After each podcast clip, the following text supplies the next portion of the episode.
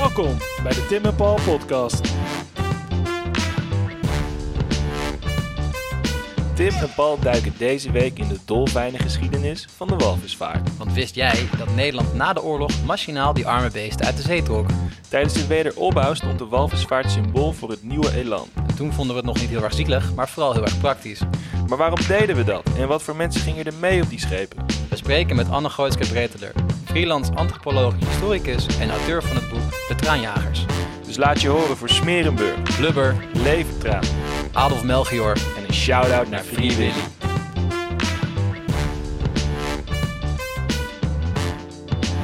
Paul, de Wij- vaste vraag Ja. waar we mee beginnen. Waar zijn we vandaag? Ja, dat is vandaag een hele makkelijke. We zijn bij mij thuis. Tim. Oh, nou, wat, Ja, wat gek. Alsof je hier nog nooit bent geweest. Nee, we zijn eh, bij mij thuis in Amsterdam-Oost. Want we hebben vandaag de mazzel dat wij niet op pad hoeven te, te gaan. Want er is iemand bij ons op, eh, op bezoek. Dus als we nu zeggen, eh, fijn dat je te gast bent bij ons... dan bedoel ik het echt te gast bij ons thuis. Is het ook echt een ja. keer waar, ja.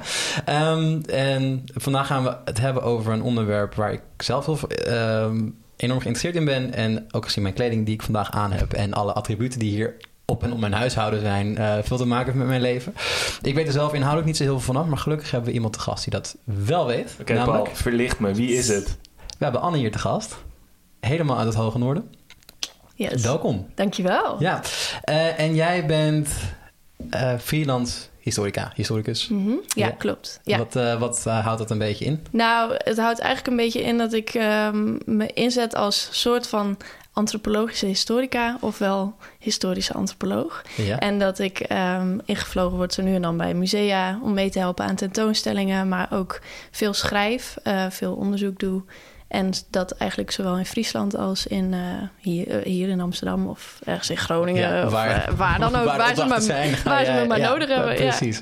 Ja, ah, tof. Ehm, fijn dat je er bent. En we gaan het over één van jouw eh, onderzoeken hebben, denk Mhm, ik, vandaag. Eh wat namelijk, Tim, waar gaan we over praten? Walvissen. Walvissen. En walvisvaart. Walvisvaart, ja, met name walvisvaart en walvisvaart na de Tweede Wereldoorlog, als ik het Klopt, goed heb. Daar heb je onderzoek naar gedaan, toch? Ja, ja, inderdaad. Daar heb ik eh, het meest onderzoek van alles eigenlijk wat ik in mijn leven heb gedaan, heb ik daar het meeste onderzoek naar gedaan. Ja, ehm, Mhm. voordat we zover zijn, want dat is voor ons alle twee hele moderne geschiedenis, eh, een soort van halve journalistiek inmiddels, ehm, is misschien goed om even het eerst te hebben over waarom je dit bent gaan doen, vervolgens een beetje een stap maken naar de geschiedenis van de walvisvaart en dan gaan we het hebben over jouw onderzoek. Dus laten we meteen beginnen met eh, de vraag, waarom in hemelsnaam naoorlogse walvisvaart? Ja, goede vraag. Ehm, kijk, het begon eigenlijk allemaal in dat dorpje waar ik ben opgegroeid. Dat heet Nes. Dat is echt aan de overkant van Schiermonnikoog, maar dan net aan de wal. En ehm, ik was denk ik een jaar of 15, 16. En toen moest je op de middelbare school toch zo'n profielwerkstuk maken. Ja. Ons wel bekend. Ja. Ja, ja. en eh, eigenlijk is dit nog steeds een soort uit de hand gelopen eh voortborduursel op dat onderzoek. Want op een gegeven moment ging ik werken in een dorpskroeg in Liusses, zo heet dat plekje. Ja, Ons wel bekend. dat Ja, kennen jullie vast. Daar komen jullie vrijdag, altijd, zeker. hè? Ja, ja, ja. En daar stond ik dus in het weekend dan eh, biertjes te tappen. En dan keek ik uit op een hele mooie muurschildering. En dat was dus eigenlijk zo'n walvisvaart in de Zuidelijke IJszee. En eh, vooral omdat het natuurlijk echt in zo'n dorpssetting was, fascineerde me dat nogal. Dat ik dacht van, wat doet dat nou hier? Eigenlijk een soort mythisch, exotisch beeld van een walvisvaart. En toen eh, heb ik eigenlijk mijn uitbater gevraagd van... goh, waarom hangt dat hier? En die begon uit te leggen van... nou, maar weet je dan niet dat je in een oud walvisvaarderscafé werkt? En toen begon dat en dacht ik... ja, hier moet ik gewoon dat werkstuk over maken. En toen ben ik eh, eigenlijk direct al begonnen met deels archiefonderzoek. Maar Nou, ook... je was toen 15. 16. Ja, 16, 17, zoiets. Ja. Cool. Maar dat, ja, dat was ook een soort hobby dan, hè? Gelijk Ja. dat je dan uren in dat streekarchief zit en iedereen komt er ook helpen. Ja. ik vond het echt heel erg leuk. Dus, ehm, en, en het was ook wel zo in die stamkroeg, of zeg maar in die dorpskroeg, daar kwamen echt veel oud-walvisvaarders. Dus ik zat eigenlijk letterlijk met die geschiedenis aan de toog. Maar was het dan echt zeg maar, van die mannen met baarden en Eh, het walvisvet nog tussen de oren? Of nou, op zich was dat wel redelijk bijgekomen ondertussen. Ze, ze hebben, ze hebben een keer gedoucht ondertussen. Ja, die stank, minder- dat rook je niet meer zo goed. Nee. Ze konden nog wel steeds heel goed bier drinken. Dat is echt ongelooflijk. Dat nou, kan ik nu zelfs na mijn studententijd nog steeds niet bijhouden. Maar eh, eh, ja, ze hadden wel van die tatoeages nog van die tijd aan boord. Oké. Dus dat was dan nog een kleine hint. Maar voor de rest helemaal van die keurige blouses met zo'n shirtje eronder. Dus Oh ja. Niet meer ruig of Nee, zo. oké. Geknipt en geschoren aan wal eh, Ja, gekomen, ja. klopt. Maar wat, wat heb jij toen onderzocht in je profielwerkstuk? Ehm, eigenlijk was mijn vraag geloof ik iets van... wat is de betekenis van de muurschildering? En Oh ja. toen heb ik gewoon... Altijd kleine vragen stellen. Ja, Dat- precies. Ja, Lokaal, ja. lokaal, ja. Maar uiteindelijk was het wel grappig, want eh, daar kreeg ik niet echt een goed cijfer voor. Omdat hij zei van, het is geen wetenschappelijke vraag. En eh, nou ja, dus, maar daar is Foei. wel... eh, ja, foei. Geschiedenisleraar. Precies, ja. Maar goed, uiteindelijk heeft het natuurlijk wel heel veel eh teweeg gebracht. Ja. Ja, want toen is het balletje gaan, eh, gaan rollen eigenlijk. Klopt. Ehm, nog wel gaan we het dan straks denk ik over hebben. Ik heb nog wel even een vraag. Ja, wel, Onderbreek mij vooral. Ja. goed, doe dat. Ga ik echt vaak doen. Doe dat, doe dat, Nee. ja. Ehm, qua methode is dat ook wel interessant. Omdat als je toch oral history bedrijft... ben je best wel afhankelijk van de mensen die je ontmoet. Mhm. Maar het lijkt me dan wel als je in die kroeg al werkt... dat je wel met een soort van voet meteen ertussen staat, toch? Klopt, was wel een beetje zo, maar ik denk dat het nog belangrijker was dat ze wisten waar ik woonde, waar ik vandaan kwam. Omdat ik natuurlijk wel, ik was toen zeker nog best jong. En eh, op die walvisvaarten gebeurde echt, nou, dat was een soort eh, van God los. Sodom en Gomorra. Ja, Ja. echt. En, en dat was eigenlijk iets wat ze niet direct aan mij Nee. kwijt wilden. Maar het hielp wel heel erg dat ik gewoon Fries spreek. En dat ik met hun wel in die taal van die walvisvaart ook zeg maar die gesprekken kon voeren. Ehm, maar uiteindelijk, dat is natuurlijk ook als je die vertrouwensband wat Ja. opbouwt, zes jaar lang, dan krijg je wel. Gooit er af en toe een bol in. Ja, Want dat helpt ook. ja.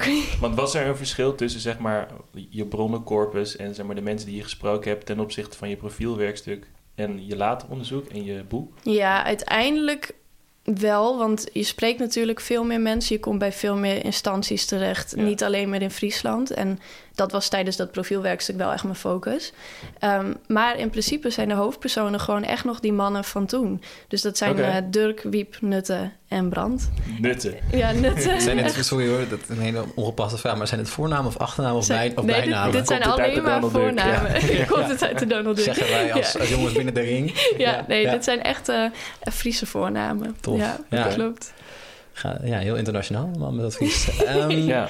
Goed, ehm, even een klein stapje, eh, stapje terug in de tijd. Want Mhm. walvisvaart in Nederland is, is nu heel moeilijk voor te stellen, denk ik, voor heel veel mensen. Mhm. Maar dat is op vrij grote schaal gebeurd, na de oorlog in ieder geval Ja. sowieso. Maar ook in de 17e en 18e eeuw nog, eh, nog vrij veel.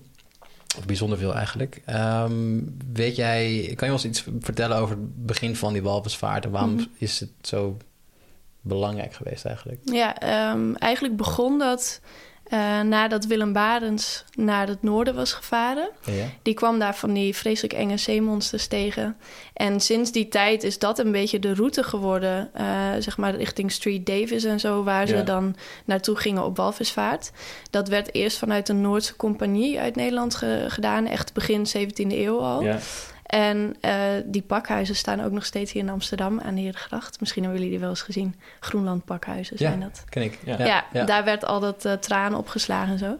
Maar daar gingen dus die Nederlanders naartoe. En dan heb je het echt over eh, een vangst dat ze, dat ze blij waren. Echt met één walvis per seizoen bijvoorbeeld in die begintijd. En dat staat wel tegenover 2000 walvissen na de oorlog per seizoen. Dus dat ging om hele andere getallen. Ehm, ze werden natuurlijk ook op een hele andere manier gevangen in die tijd. Echt nog met van die handharpoenen, wat je misschien wel voor je ziet met die houten bootjes en zo. Ja. En die walvissen werden dan op zee, eh, zeg maar, daar werd zo'n harpoen ingestoken. En dan gingen ze heel lang achter dat beest aanvaren totdat hij moe werd. En dan konden ze hem, eh, als alles goed was gegaan en de vloot was niet vergaan of wat dan ook, dan konden ze hem meenemen naar een tusseneiland. En Smerenburg is daar Ja. zo'n goed Dat voorbeeld is op van. eh, Spitsberg, toch? Ja, klopt, inderdaad. En dan eh, ja, op dat eiland, daar verwerkten ze die eh, walvissen.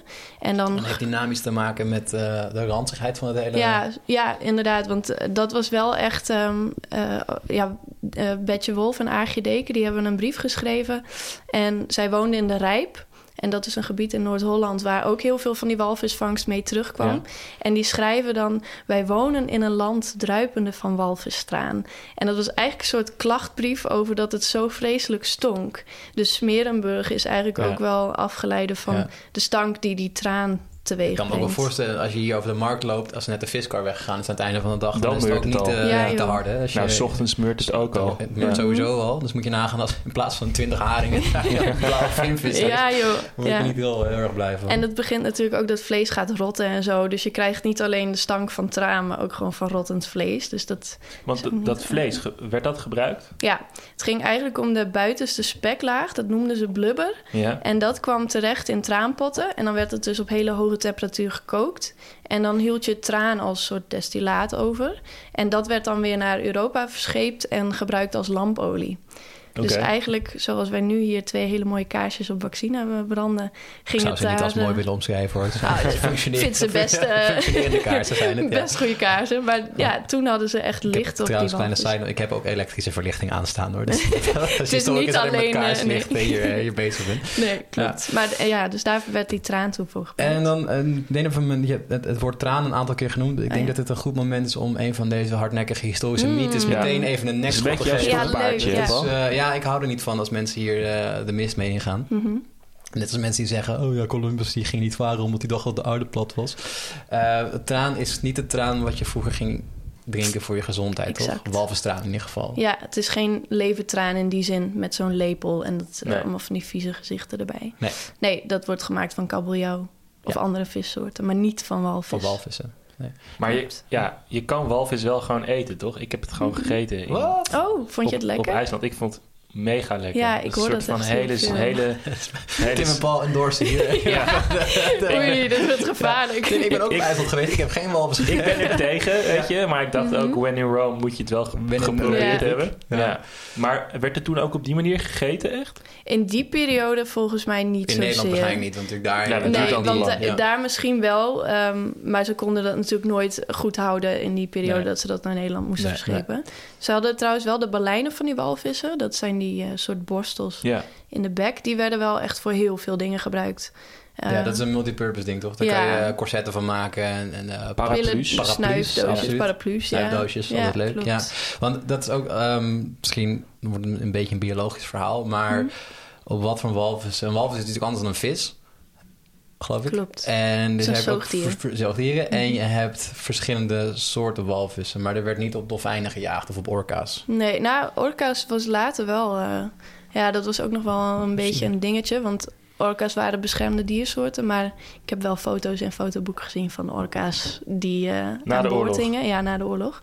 Maar dat weet ik niet zo goed van voor de oorlog. Maar ik, het lijkt mij dat er toen eigenlijk alleen op die walvissen geschoten werd. Of eh, gejaagd. Gegooid werd. Ja. Gegooid, ja. Want die orka's zijn natuurlijk ook veel sneller. En als je van Ja. die hele grote logge beesten hebt, zoals die Groenlandse walvis, dan eh, lijkt het me iets Dat wil wel, toch? Ja. Dat- dat wil misschien Er wel zit dan natuurlijk ook nog. veel meer eh, blubber in en veel meer eh, ellende bij, ja. En die zijn ook niet zo bang, hè? Want zeg maar, dat is met orka's misschien en dolfijnen... Die, of nou ja, dolfijnen ook niet. Maar dat je, ze, iets- dat je dichterbij ze kan komen of zo. Dat is Nee, ook het is een beetje sneu ook. Het is wel heel Eigenlijk wel zielig, lieve, hè? lieve Ja. beestjes, die liggen daar een beetje te zwemmen. Gezellig Ja. met z'n allen. Komt er een schip vol met aan. Ja. Klats. Hatzee, Hatsa. Ja. ding erin. Alles voor de levertraan. Of niet voor de levertraan, alles voor de, voor de traan.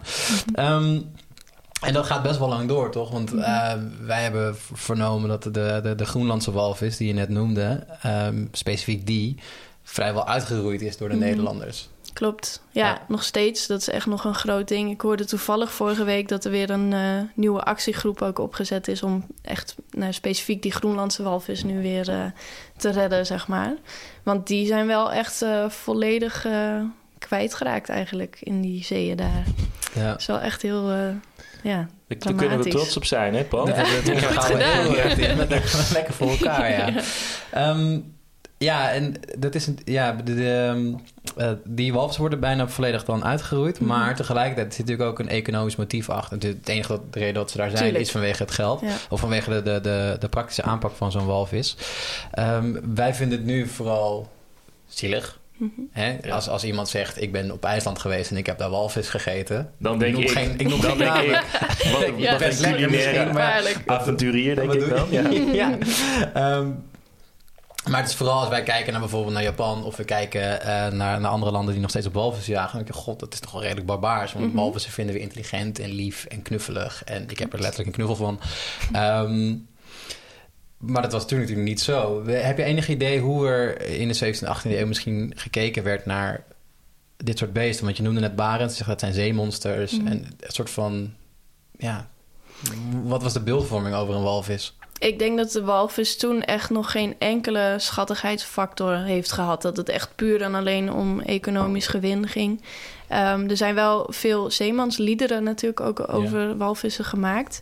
Ehm, maar dat zal ongetwijfeld ook mee te maken hebben dat het natuurlijk gigantische beesten zijn. Dus mythisch werkt dat gewoon heel goed volgens mij. Als je op zo'n klein schip zit en dan ga je zingen over al die willen te kaperen varen, dan moeten daar inderdaad wel walvissen ook Ja. eh, in voortkomen. En zeg maar, strandingen wa- was toch wel een ding in de Ja. Republiek in de 17e eeuw? Klopt, Maar ja. dat waren meer potvissen, of niet? Ja, dat zijn vooral potvissen inderdaad. Nog steeds eh, voornamelijk potvissen. Want die maken dan die route zeg maar richting het zuiden. En Ja. dan komen ze daar langs en soms raken ze dan in de war. En dan eindigen ze op het strand. Maar dat werd ook wel goed bijgehouden. Eh, ook in schilderijen zie je dat natuurlijk Ja, wel Ja, het is natuurlijk ook nog wel En- wat als en- zoiets aankomt. Ja, dat is eh, echt ja. natuurlijk... En, en op sierborden zie je dat ook best wel Ja. vaak, ja. Klopt. En dat was natuurlijk ook met die hele walvisvaart. Eh, die zie je ook op veel tegeltableaus uit Ja. die tijd nog terugkomen. Want eh, het lijkt mij ook wel... Het was super risicovol om zo'n expeditie te, te gaan doen. Eh, dus het waren ook wel toen al een beetje helden... die dan op walvisvaart gingen. En Ja. die dat dan weer levend en eh, welvarend eigenlijk Ja. terugmaakten in Nederland. Ja, Ja. want- want je, je noemde net bijvoorbeeld ook, of je noemde net de Rijp als, als, als een plaats waar heel veel van die traankokerijen stonden, Mhm. heel veel van die walvissen zijn. En dat zie je natuurlijk nog steeds toch op de, ehm, de vlaggen van die steden, of van die dorpjes. Als je Mhm. kijkt naar de vlag, de stadsvlag, dorps, gehuchtvlag, sorry voor de mensen in de Rijp, dan ehm, zie je daar ook nog een walvis op staan. Maar dan niet met een blauw, eh, zeg maar met water uit zijn blaasvat, Mhm. maar met bloed. Ja, Dus het is best wel grimmig allemaal. Maar het is natuurlijk wel een economisch centrum voor, echt, eh, eh, ja. voor walvisjacht daar. En ik heb me laten vertellen dat er ehm, nogal wat weeshuizen staan ook. Want wat je zegt, het is nogal risicovol. Als je gaat varen Mhm. op de walvissen, dan kans is vrij groot dat je niet terugkomt. Mhm, Ja, klopt. Dat is ook. eh, eh, dat werd ook vaak bezongen in die liederen. Want het kon natuurlijk in de route ernaartoe al misgaan. Maar ook ja, Ja, dat je er gewoon niet eens een walvis Ja. ziet, maar dat je dan al eh, ja, eh, niet meer terugkomt. Maar ook met die walvissen zelf. Want het zijn echt kleine bootjes waar ze dan op weg gingen. Als zo'n vis van 40.000 kilo, vis, zoogdier, als die met zijn staart ergens tegenaan slaat, ja, dan moet je wel heel goed kunnen En zwemmen. Lig En je daar in het koude water. Ja, ja. Mhm. nee, mij niet gezien. Nee, maar ook Ja, niet. de keuze is dan dat of naar de tropen gaan, Tim. Wat, Ja. eh, Ik zou dan denk ik toch maar op walvissen gaan. eh, toch ja. wel, eh, ja. Toch wel. ja. Het is wel koud. Ja, het is wel, ja, het is wel koud, ja. Ehm, toen toch, al- dan hebben we het over de kou. En jij, Tim, als ehm, kenner van gaat er nou fashion, weer komen? mode, Fashion industry. Technische pantalonies. Ja. Heb misschien een leuke anekdote over eh, ehm, een van de broeken? Ja, nou, maar dat is, dat is al van, van na de... eh, Ja, maar maar, dat- we maken even een... eh, we maken het we sprongetje maken, nu maken al. een sprongetje naar de moderne, moderne tijd. Als het mag van Ja, jou natuurlijk ja. mag. Ken jij de polbroek van um, Adolf Melchior, die wij in het Scheepvaartmuseum Ja, in de ik heb hem hebben? gezien. Ja. Het was dus helemaal geen... Dat was gewoon een pilotenbroek uit de Tweede Wereldoorlog. Echt? Ja. Ja. Kijk, Ja. mind Wow. blown. Ja. Dat wist ik niet. Nee, Oh, ja. Vet, hè? Heel vet. Ja. Maar met extra wol aan de binnenkant of gewoon... eh, Hey, het was eigenlijk gewoon een, een hele warme broek... Die, die piloten in de Tweede Wereldoorlog gebruikten van de Britse luchtmacht. Zo. En de vraag is dus een beetje hoe Adolf Melchior aan dat ding is gekomen. Mm. En ja, Ja. dat is wel raar. En waarschijnlijk is het gewoon geweest dat er heel veel spul uit de Tweede Wereldoorlog achterbleef in Nederland. Omdat het allemaal nieuwe functies gekregen heeft. Maar zo hebben we ook een, een soort van, ja, een andere broek. Een soort overal-achtig ding. En daar hing een kaartje aan dat die eh, gekocht was op, aan boord van de Willem Barents in de winkel. Hm. Dus de, dat, de Willemaans had een winkel. Ja, Ja, je had een winkel, ja, inderdaad. dus, dus dat triggerde mij ook om, om te gaan proberen uit te zoeken hoe die mensen aan die spullen kwamen. Maar dat Maar er was zo'n winkel, winkel op dat fabrieksschip, zeg maar. Ja. Dus een souvenirshop. Ja, ook serieus, met ansichtkaarten en zo. Maar dus ook Ja. kennelijk met maar spullen ook met, die... ja, Die mannen die hadden ook helemaal geen eh tenue zeg maar, gekregen. Die moesten echt kopen aan boord. En daar zat dan blijkbaar dat ook tussen. Maar weet je ongeveer welke jaren dat... Waar die... Adolf Melchior weten we natuurlijk wel, dat Ja, was dat vrij was- vroeg. ja. Maar die andere weet ik niet, mo- moet ik nakijken of daar iets van datering bij staat. Want het lastige is Mhm. natuurlijk dat je die broek wel, of dat ding wel kan dateren. Maar dat is gewoon uit het midden van de Tweede Wereldoorlog Ja. gebruikt door Amerikanen. Dus wanneer dat dan precies gebruikt is daarna... walvisjacht. Ja, daar komen we niet achter. Interessant, ja. Maar moeten we niet even dit, dit ietsje beter inleiden, Paul? Want we zitten nu al ineens na de Tweede Wereldoorlog, Ja, ja. terwijl we net nog in de 17e eeuw zaten. Ja, er is nog een 18e en een 19e eeuw Ja, die slaan we even voor het gemak we- over. ja, zoals we wat vaker doen in onze geschiedenis. Ja, het gaat namelijk een korte versie. Het gaat niet zo heel lekker met Nederland in de 18e, 18e en Nee. 19e eeuw. Krabbel een beetje op in die 19e eeuw. En toen begon de Tweede Wereldoorlog, Ja. eigenlijk vrij snel. Ja. van Nederland. Maar ehm, wat misschien wel een, een leuke vraag is om mee te beginnen... is waarom ehm, dan ineens de walvisvaart weer van stal getrokken wordt. Wel- Welke jaren spreken we dan ook Ja. over? Want het is, niet, het is na de oorlog. Ja. Ja. we hebben het dan echt over 46. Gewoon Jaar echt des. Ja. Ja. Ja, ja, eigenlijk direct al, omdat je natuurlijk tijdens die Tweede Wereldoorlog ehm, is al dat vee of naar Duitsland gegaan of al eh, opgeraakt. Ja. En die mensen hier, die hadden gewoon ontzettend gebrek aan olie en vetten. En met hier bedoel ik voornamelijk in de steden. Op het platteland viel dat wel wat Ja, mee. want daar hadden we natuurlijk ook net de hongerwinter gehad, toch? Precies, klopt. En die, maar, maar mensen op het platteland die hadden dan vaak stiekem nog bij de boer wat vlees. Of die Ja. konden dan nog wel wat regelen. Ehm, maar omdat die hele internationale invoer daarvan, die lag helemaal stil. Ja. Dus toen moest er gewoon heel snel een oplossing bedacht worden. En eh, ja, toen kwam direct die walvisvaart op. Dus eigenlijk direct in 46 is ook de Nederlandse Maatschappij voor de Walvisvaart opgericht. Oké. En wat voor initiatief was dat dan? Was dat een Ehm, particulier initiatief? Het was eh, een initiatief van een rederij, Vinken Co. Ja? Die zitten hier in Amsterdam aan de Ruiterkade. Kan je nog steeds zien Ja. als je met de trein aankomt rijden. Dan zo'n vervallen bord. En die ehm, hadden eh, eigenlijk direct al het idee van... we gaan weer op walvisvaart en we kopen een tankerschip aan. Dus dat is ook direct toen al gebeurd. Ja? Tweedehands, want ze hadden geen geld natuurlijk. Dus die is uit Zweden gehaald. Maar het voordeel was dat ze in het Amsterdamse droogdok... vaker eh, gewone wal- schepen omgebouwd hadden tot walvisvaartschepen. Fabrieksschepen noemden ze dat. En dat konden ze nu met deze ook heel makkelijk doen. Ja. Dus er was wel al nog een soort traditie van walvisvaart voor de Tweede Wereldoorlog. Ja, er was al een bepaalde know-how, maar dat kwam ook met name doordat ze die opdrachten kregen vanuit buitenland. Want waar Nederland juist in die 18e en 19e eeuw stopte, gingen landen als Noorwegen en Engeland eh, veel verder. En met die industrialisatie eh, vonden ze steeds betere manieren om die schepen uit te rusten. Ja.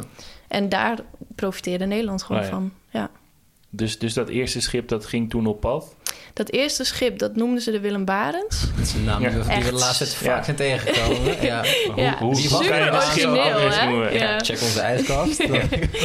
Maar ja, dus die, eh, die Willem Barents, die lag daar. Daar konden zo'n 400, 500 man aan bemanning op. En eh, Sorry, nog één keer. Wacht. 400 à 500 man al direct eigenlijk. Dus dat waren echt grote Ja. schepen. Ja. Ehm, en er kwamen jagerschepen bij. Dat zijn kleinere eh, schepen die met zo'n harpoenkanon vaarden. Want Ja. je moest dan dus tussen die ijsschotsen waar al die walvissen zaten. En dan zo'n heel groot schip, ja, die kan zich niet zo makkelijk eh nee, daartussen. niet. Nee. Nee, dus daarom die kleinere schepen, een stuk of zes. Later zijn die nog eh, uitgebreid tot een stuk of tien of zo. En daar zaten vaak Noorden op die, die harpoenen bestuurden. En die tegelijkertijd ook kapitein waren. Want die Noorden hadden blijkbaar vanuit hun traditie al zoveel eh en die zijn dan ook opgehouden waarschijnlijk met, Nee, met het jagen. klopt. Dus dat is Dus natuurlijk handig die, om die ehm, eh, jongens of die mannen ja. erbij te houden. Maar wat gebeurde er dan op, op het fabrieksschip? Op het fabrieksschip, dan kwam dus zo'n eh, gedode walvis binnen.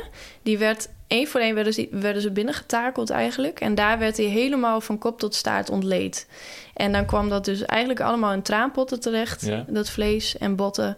En dan kreeg je dus traan in vaten. En die werden weer naar Nederland eh, verscheept. Als brandstof dus. Eh, nee, want ik, wil, ik was wel benieuwd inderdaad of jullie wisten waarvoor ze walvistraan na de oorlog Het gebruikten. schijnt dus zo te zijn, het voor je gezondheid. Dat je dan lepeltje, Met een, eh, in lepeltje- een flesje. Ja. Eh, na de oorlog, eh, margarine. Mhm. Ja, het zit in boter. Goed nee, zo. boter is geen margarine, maar het zit in, eh, het zit in margarine. Yes. Hats. Ja, dat hadden we nodig. Oké. Mhm. Ja. Nog andere dingen? Of eh, is dat... eh, Eh, nou, uiteindelijk in 1946 is dus die eerste vaart geweest van de Willem Barents 1. Ja. En dan krijg je in 1956 een nog groter fabrieksschip voor 600 man ongeveer. Dus dat is echt een drijvend dorp als je nagaat. ja. Maar dat schip was heel goed uitgerust. Konden ze vitamine A uit dat vlees halen. Honden- en kattenvoer ervan maken. Vleesmeel en dus traan. Dus ja, Voor nog veel meer dingen. Ja. ja. De naam is al even genoemd. Adolf Melchior. Mhm. Ja, Dat is wel een Ik in- dacht dat je interessante zei de naam figuur, even van Willem Barend. Nee, nee, nee. nee, nee, maar nee. dat is ook genoeg. Adolf, Adolf Melchior. Ja. Kan je daar iets over vertellen? Eh, dat was een van de eerste scheepsartsen aan boord, volgens mij de eerste. En die heeft toen een heel verslag bijgehouden uit die periode. En ehm, dat ging ook over een staking aan boord.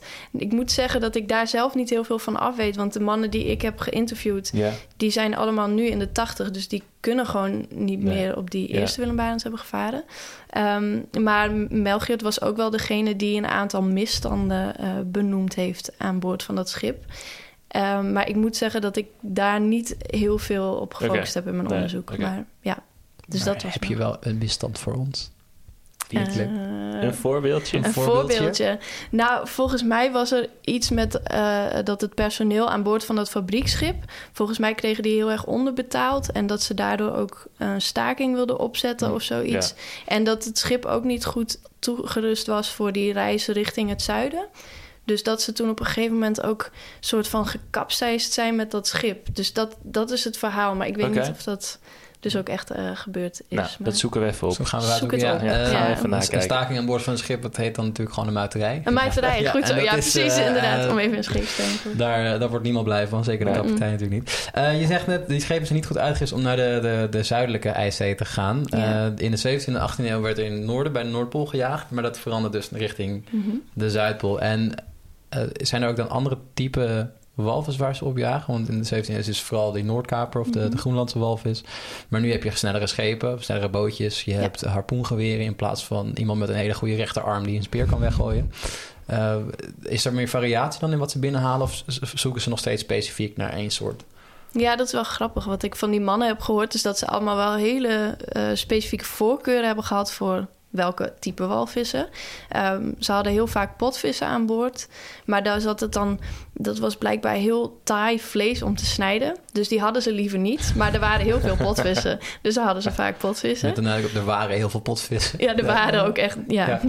En eh, blauwe vinvissen kwamen veel voor. Vinvissen überhaupt, Ja, al die ja. soorten. Die waren heel groot natuurlijk, dus dat was wel eh, fijn voor ze. Want dan hadden ze gelijk veel te aan. Ja, ja, ook Ja. makkelijk te schieten. Ehm bultruggen kwamen ook binnen. Dat kan je nu ook bijna niet meer voorstellen. En dus orka's zo nu en dan. Eh, maar dat mocht eigenlijk absoluut niet van de internationale Ja, want, want hoe zat walvisvaartcommissie. dat toen? Ja, Walvissen waren gewoon zelf nog een soort van... Fair game. Ja, nee. zoek het... Nee? Nee, eigenlijk helemaal niet. Want dat is wel grappig. Ehm, vanaf die beginperiode na de oorlog is de International Whaling Commission al actief. En die probeert wereldwijd om dan al echt grip te houden op die walvispopulaties. Ehm, en dat zorgt er dus voor dat Nederland bijvoorbeeld echt een, een bepaald vangstseizoen krijgt. Dus dat zijn drie maanden. En ehm, ze mogen niet op drachtige eh, vissen, eh, walvissen jagen. Maar het is natuurlijk best lastig als In de je... praktijk is dat niet te zien, toch? Nou, dat Ja. zie je dus niet. Maar Maar dan, is al best wel dik, dus dan kan je nog niet echt zien of, of daar een kind in Daarom. zit of niet. Ja. Het is best wel lastig. Maar ja, dan, dus dat kwam best vaak voor dat ze die aan boord opensneden en dat er dan een kalf uitkwam.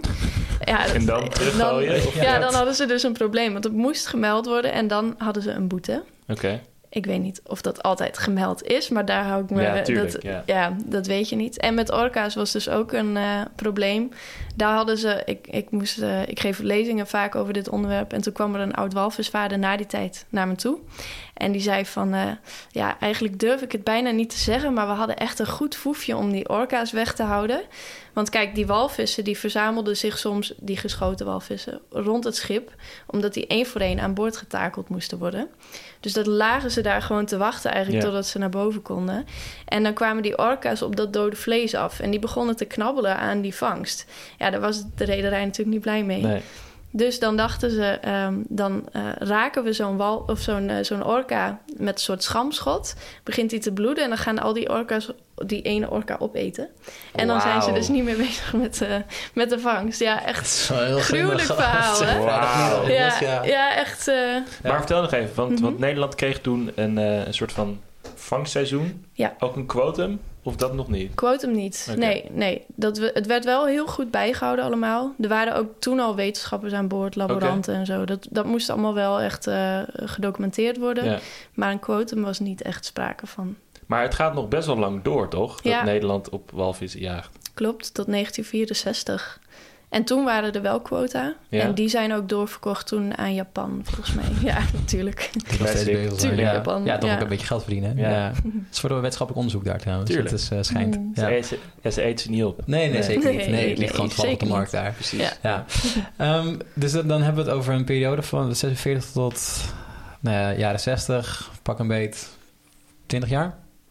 Ouders walvissen. En je noemde in het begin een, een, een aantal. Ehm, over hoeveel walvissen gaat het ongeveer die hier... Het gaat om precies 27.714 walvissen. 27.000 zijn. 27.000. Door Nederland alleen, Ja. hè? Ja. En dat is, zeg maar, qua schaalgrootte... ongeveer de hele 17e eeuw aan, eh, Ja, aan walvissen. zo'n zoiets. Ja, Shame. Bizar.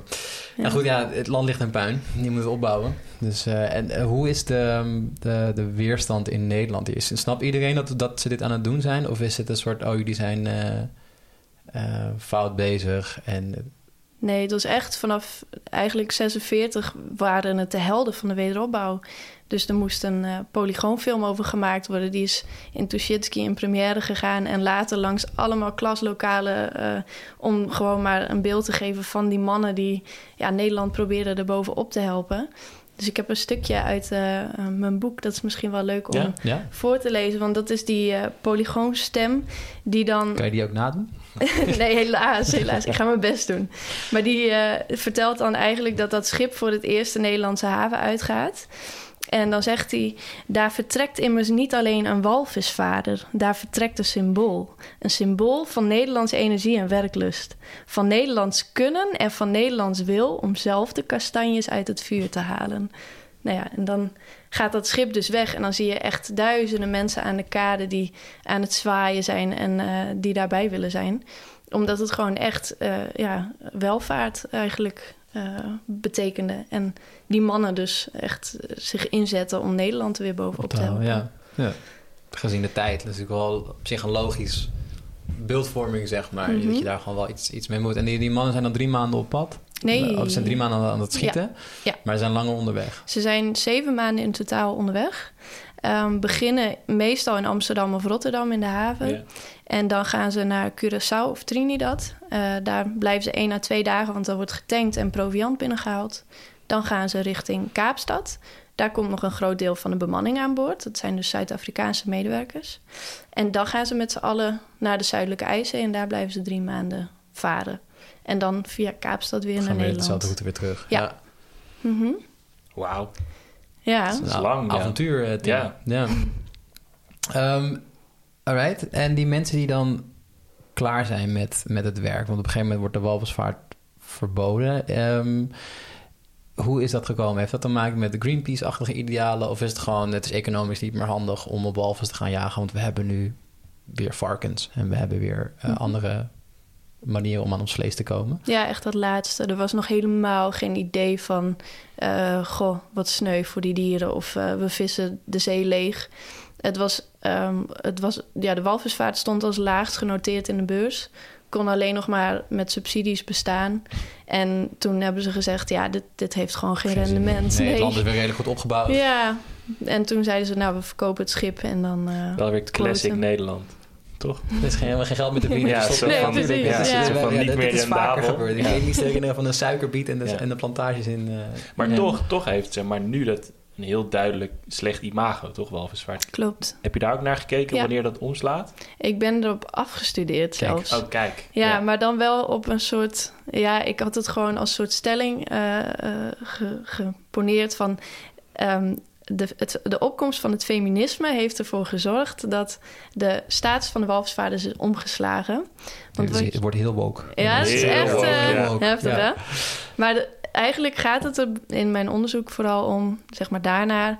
dat in de jaren zeventig met de opkomst van milieuorganisaties... en dat is dus ook door eh, ja, dat ecofeminisme wat je dan krijgt... eh, dat dus heel veel omdenken voor de dieren überhaupt dat dat Ja. begint.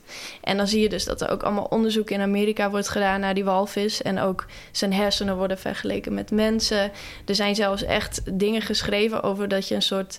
als je walvissen bestudeert en naar die muziek luistert... dat je dan, of van die geluiden zeg maar... dat Ja. je een soort psychedelische trip kan raken. En dat dier wordt ineens echt helemaal op een voetstuk geplaatst. Het is altijd een beetje zo. Als je slecht slaapt, dan moet je een beeldrug eh, Ja. liedje aanzetten. Ja, en dan, eh, ja, Van die piepjes, toch? Ja, Ja. van die gekke... eh, Ja.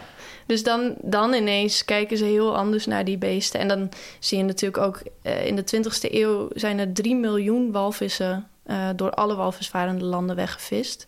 Dus natuurlijk is dan ineens die stand ook schrikbarend laag. ja. Dus het is wel een logische Ja, dat is- samenkomst. Dus de overbevissing is natuurlijk sowieso een, een, een groot probleem. Maar ik kan me voorstellen dat een haring sneller voortplant dan een blauwvinvis. Mhm. Ja, wat, wat is de cyclus inderdaad van een... Volgens mij duurt het heel lang, want een walvis heeft draagtijd. Ja. En die ehm, produceren maar één of twee kalven. in hun hele leven. Ja, weet Ja. ik eigenlijk. Dat weet ik trouwens niet. Of, of, dat of in per hele- dracht. Maar per dracht Ja. bedoel ik eigenlijk. En die dracht duurt sowieso ook volgens mij elf maanden of zo. Oh ja, Dus dan, ja, het gaat gewoon niet zo snel. precies. Ja. En ze moeten ook een hele route afleggen voordat ze in die paringsgebieden terechtkomen. En dat is ook waarom de eh, Nederlandse walvisvaarders een vangstseizoen hadden. Want dan wisten ze dat ze dan op dat moment in de Zuidelijke IJszee zouden zijn. Het is een locatiegebonden. ja, ja. ja. Ehm, ja, ehm, heftig allemaal. Ja. Zwangere walvissen afschieten. Ehm, die, die mannen die aan boord staan, eh, Mhm. daar, want daar, daar is een Ja. groot deel van jouw onderzoek over gegaan. Klopt. Die interviews die je met die mensen hebt gehad vanuit jouw café waar jij, eh, waar jij werkte. Ehm, wat voor een, ik word heel generalistisch wordt het nu misschien, maar wat voor mensen zijn dat? Ehm, dat zijn in die tijd, want dat is eigenlijk ook de strekking van mijn boek geweest. Ondanks het taboe van vandaag de dag eh, moet het toch wel in die context geplaatst worden. Dat waren echt jonge jongens die net na de oorlog gewend waren aan een super vaste structuur. eh, waarin de kerk een grote belangrijke rol speelde. En die gewoon de mogelijkheid kregen om de wereld over te varen. Ja. Uh, plus veel geld te verdienen. Wat, want dat merk je dus op het platteland. Dat er, wa- er waren geen vaste aanstellingen vaak voor die jongens van 20, 23 jaar. Zo'n Ehm, freelance walvisjager. Ja, eigenlijk wel. En dan kwam je thuis en dan kon je bijna een huis neerzetten, zeg maar. Ja. En ze konden het ook nog eens doen met hun vriendengroepen. Want dat zag je heel vaak gebeuren... dat ze dan gewoon met allemaal vrienden tegelijk aanmonsterden. Zijn mensen uit dezelfde omgeving Ja. die, die meegaan? Ja. Eigenlijk alle kuststreken van Nederland. Dus eh, veel uh, Zeeuwen, uh, Katwijk bijvoorbeeld... zaten ook heel veel walvisvaarders. Friesland, ja. ja, Amsterdam trouwens ook. Ja. Gewoon eigenlijk de hele maritieme gebied. Eigenlijk ja, alle, toch? alle Ja. maritieme gebieden. Ja. Ja. Ja, klopt. Daar kwamen ze vandaan. En natuurlijk heb je ook oudere walvisvaarders... maar dat merendeel was toch Oh, wel je echt die jonge, jonge jongens. Ja. En, en wat was hun taak dan aan boord? Want ze zaten niet walvissen van- schieten. Ja, ze zaten, nee, dat deden ze niet. Ze zaten niet Nee, ik- vangstzee. Behalve Ja. potvissen, want die. Ja. Ja. Ja. ja, nee, eh, vaak... Zeg maar, de, de mannen die ik vooral heb gesproken... die werkten aan boord van het fabrieksschip. Dus het moederschip. En daar waren ze flenser of lemmer. En dat betekende dan dat je vlees moest snijden... of eh, van die grote ribstukken of zo. En dan... eh, ja, dat was gewoon echt twaalf uur achter elkaar eh, doorwerken... en dan twaalf uur af. En dan weer eh, beginnen. Twaalf lang hakken. Ja, hakken inderdaad. Ja, klopt. En dan, ja, dan ben je vrij jong, dan sta je daar. En dat wat je zegt, avontuur. En ehm, je begon het verhaal ook al met iets over... Ja, eh, toch een beetje Sodom en Gomorra, dat er allemaal dingen Mhm. ge- gebeuren. Kan je ons een, eh, een, een tipje van de sluier op... op eh, kan je ons een tipje van de sluier geven over... ehm, de, ja, de, hoe is die omgang aan boord? Ja, dat is, dat is wel grappig, want net op de heenweg zat ik er nog over na te denken. Een van die walvisvaders, die heeft mij echt super open verteld over wat hij ehm, op die ja, passagiermogelijkheden, dus in Curaçao of Kaapstad, wat hij daar allemaal had gedaan. Want dat was eigenlijk toch wel het hoogtepunt van de walvisvaart. Dus niet zozeer. Ja, echt Ja. waar. Want eh, ze verdienden ongeveer nou, rond de 4000 gulden in die tijd per vaart. En dat is echt veel Ja. eh, gezien die periode, zeg maar. Maar deze man die wist het te presteren om met 44 gulden af te monsteren. Dus die had gewoon al dat geld in de tussentijd opgemaakt aan voorschot. En dat betekende dat hij op Curaçao eh, kregen ze dan twee dagen op Willemstad. En dan, eh, nou, dan vertelde hij ook van... eh, ja, nou, dan, ik was nog nooit meegegaan, maar ik wist wel waar ik heen moest. Dus dan werd er een taxibusje besteld. Ging naar de andere kant van het eiland. Ze hadden een voorschot gekregen. En dat ging dan naar Campo Alegre. En ik weet niet of jullie dat misschien wel eens tegengekomen zijn. niet. Nee. Het is het grootste legale bordeel van Willemstad. En daar kwamen echt vanuit de oorlog ook al allemaal van die eh, soldaten naartoe. Ja. Dus dat was echt, eh, stond bekend als het Walhalla. Als je dan net twee weken weg was geweest. En dan eh, was natuurlijk de drank aan boord opgeraakt. Dus dan konden ze daar en drinken en eh vrouwvolk. En ja, gewoon weer even Het goede leven leiden. Exact. En er was niemand die vanuit het thuisfront zei van... Goh, zou je dat nou wel doen? Of denk aan je naam of wat dan ook. En dan eh, gingen ze ook nog souvenirs kopen, vaak voor thuis. En vervolgens gingen ze dan door naar Kaapstad. En daar konden ze precies hetzelfde doen. En daar hadden ze zelfs een week de tijd om van boord te gaan. Dan mochten ze ook echt het, het land in. En ja, dan zie je ook allemaal foto's uit die periode dat ze op de Tafelberg zijn. En eh, overal weer op terrasjes met bier zitten en rum. En ja, echt gewoon het cliché van een zeevaarder naleven. Maar dat was daar wel lastiger, omdat je in die periode de apartheid hebt in eh, Oh ja. Zuid-Afrika. Dus ja, dan, dan was dat contact met vrouwen ook echt gevaarlijk. Want eh, stel dat je betrapt werd met een donkere mevrouw, dan eh, eindigde je beide in de gevangenis voor een aantal jaar. Dus dat moest allemaal heel stiekem. Maar dat gebeurde, Gebeurde natuurlijk wel. wel. Ja, Ja. zeker. Zelfs gewoon aan boord ook, als dat schip dan in de haven lag. Dus ja, dat was een beetje het, het Sodom en Gomorra, zeg maar. Wauw. Ja, Allemaal op de walvisvaart. allemaal op de walvisvaart. Ja. Ehm, en die, ehm, als je dan terug bent, je bent, ik kan me voorstellen, je bent vijf, zes jaar lang als soort van freelance walvisjager eh, aan het werk geweest. Ja. ja, wat, wat ga je dan doen als je aan land komt? Ga je dan op haringen vissen? Het is toch wat minder spectaculair, denk ik. Ja, dat is wel grappig, want eh, een aantal van die mannen... Eigenlijk iedereen wilde wel weer naar zo'n vaart.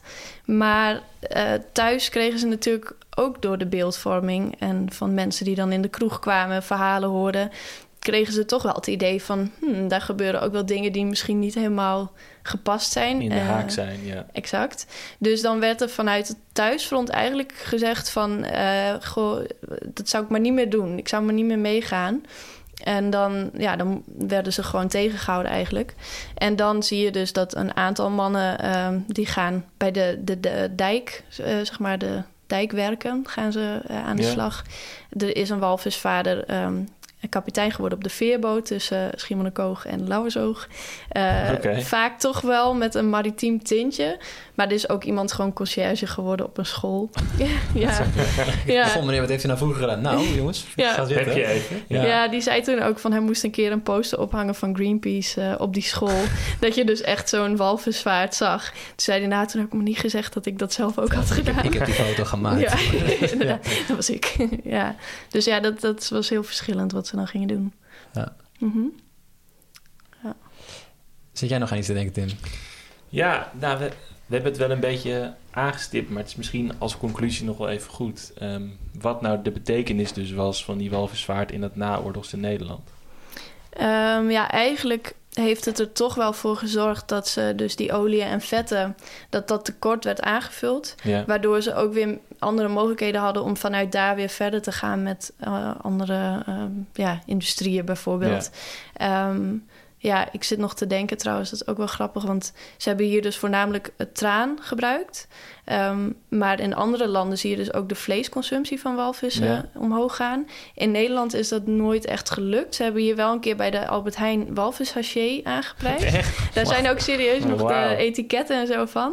Maar eh, de, de vrouwen hier, want dat was natuurlijk, daar was het op gericht, ook met de reclames, die wilden dat niet. Ja, ja.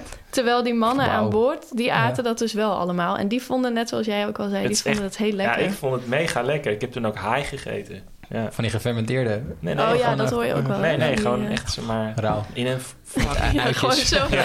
Ja, het is echt een fucking duur vis, visrestaurant in IJsland, in Reykjavik. Dus En dat stond op de kaart. dacht ik, maar ja, weet je, ze hebben het toch al hier nu. Ja. Weet je, als Mhm. ik het nu niet eet, dan gaat er geen walvis minder van dood. Nee. Nee. Dus, ja. Ze zeiden ook van, dat het, het, het is malser dan eh biefstuk of Ja. zo, zeiden ze. ja, Ja, grappig. Ja, ja. ik meer. Ja. Ik heb zelden niet zo enthousiast gezien. Ja, Echt, eh, Ik hou van eten, Paul. Dat dat, weet ik, kunnen we ook zien. Nee, Ja. hartstikke en, vet. en nog zeg maar even in de, ja, de beeldvorming. Ja, Daar heb je het ook al even, even aangestipt. Maar die mensen stonden dus echt gewoon symbool voor soort van de, nieuwe, de nieuwe tijd of zo. ja, het was een nieuwe tijd inderdaad. En ehm, zij waren een soort, zij brachten weer toekomst. En eh, eh, zo werd het heel lang volgehouden. En zelfs ook in die periode in de jaren zestig, dat er eigenlijk ja, dat, dat dat hele idee van de wederopbouw nog wel speelde. Misschien niet eens zozeer Mhm. alleen nog door de walvisvaart.